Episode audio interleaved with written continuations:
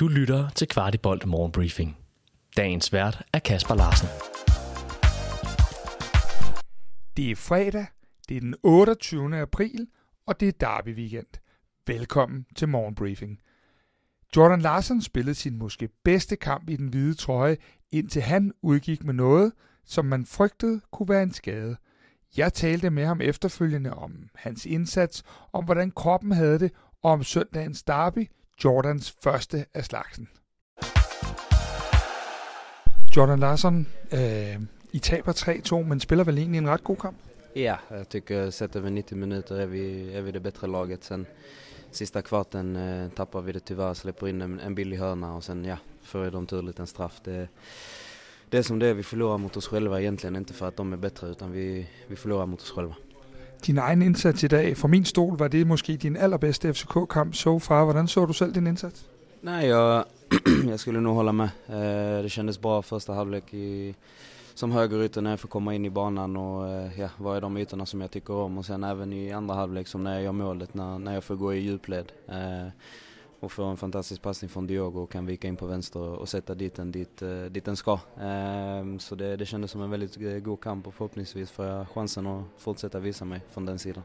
Vi var flere, der blev en lille smule nervøse omkring, da du udgår. Kan du øh, berolige øh, FCK-fansene med, om der er noget galt? Ja, nej men det är ingen fara. Det var bara kramp. Jag, jag har inte spelat eh, någon 90 minuters match här än.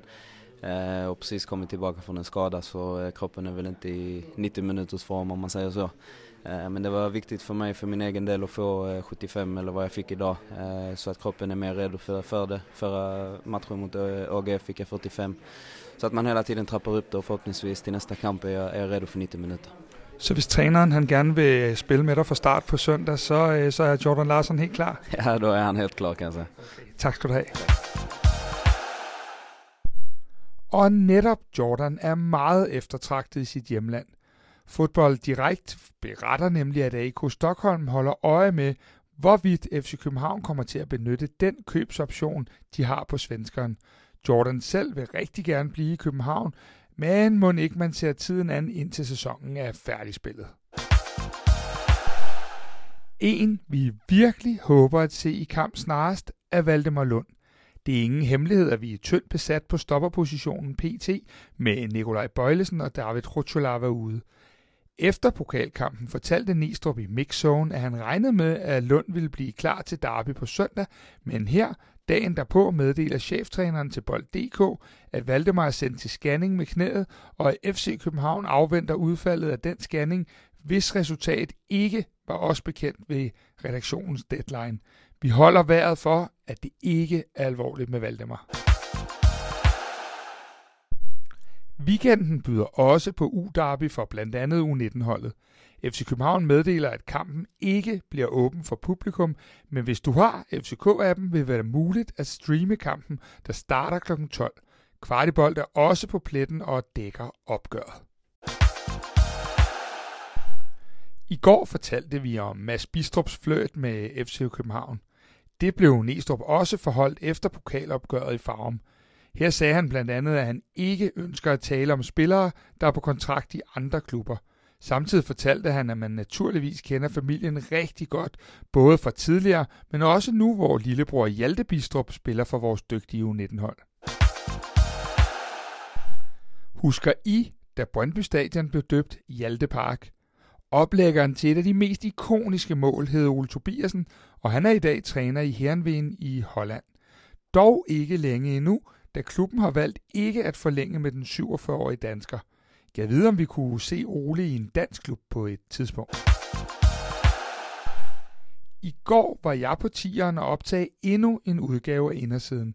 Jeg havde denne gang fornøjelsen af Mohamed Darami, og I får lige et lille klip fra udsendelsen her. Nogle af de andre unge i truppen driller dig, som vi også talte lidt om med, at du, du er blevet lidt gammel nu og gammelklog og alle de her ting. Men Mo, du er flyttet hjemmefra, du har boet i udlandet, du er blevet gift. Øh, hvordan tror du, at man kan mærke det på dig, at du er modnet? Jo, altså jeg tror bare, måden jeg er på, øh, og øh, som person, øh, også med, at jeg er blevet gift, og at øh, selvfølgelig har jeg boet ude og et andet land for mig selv, og så videre, men også bare sådan, tror bare sådan daglig basis, øh, øh, tror altid, jeg har følt mig lidt voksen. Øh, øh, men også fordi, at øh, jeg skulle passe min søskende i en tidlig alder, øh, og, og der skulle man allerede være voksen. Øh, så tror jeg, det tror jeg bare, det er sådan.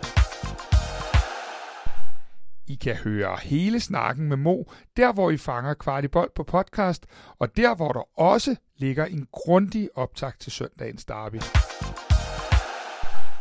Mathias Sanka Jørgensen blev lidt af en held i Brentfords sejr over Chelsea.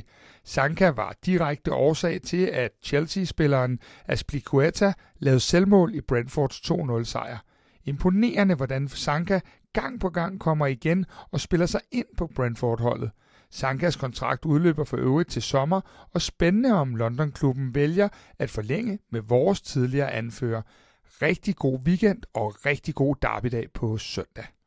Vidste du, at Lavazza har deres egen webshop, hvor du kan købe alle deres forskellige kaffer og endda vælge det som abonnement? De har blandt andet også kaffer, som du ikke finder andre steder i Danmark, som deres Espresso Maestro, der er økologisk og Rainforest Alliance certificeret. Udover de mange lækre kaffer, så har du også mulighed for at vælge forskellige kaffemaskiner eller som en del af et abonnement. Shop løs på shop.lavazza.dk Du har lyttet til Kvartibolt Morgenbriefing.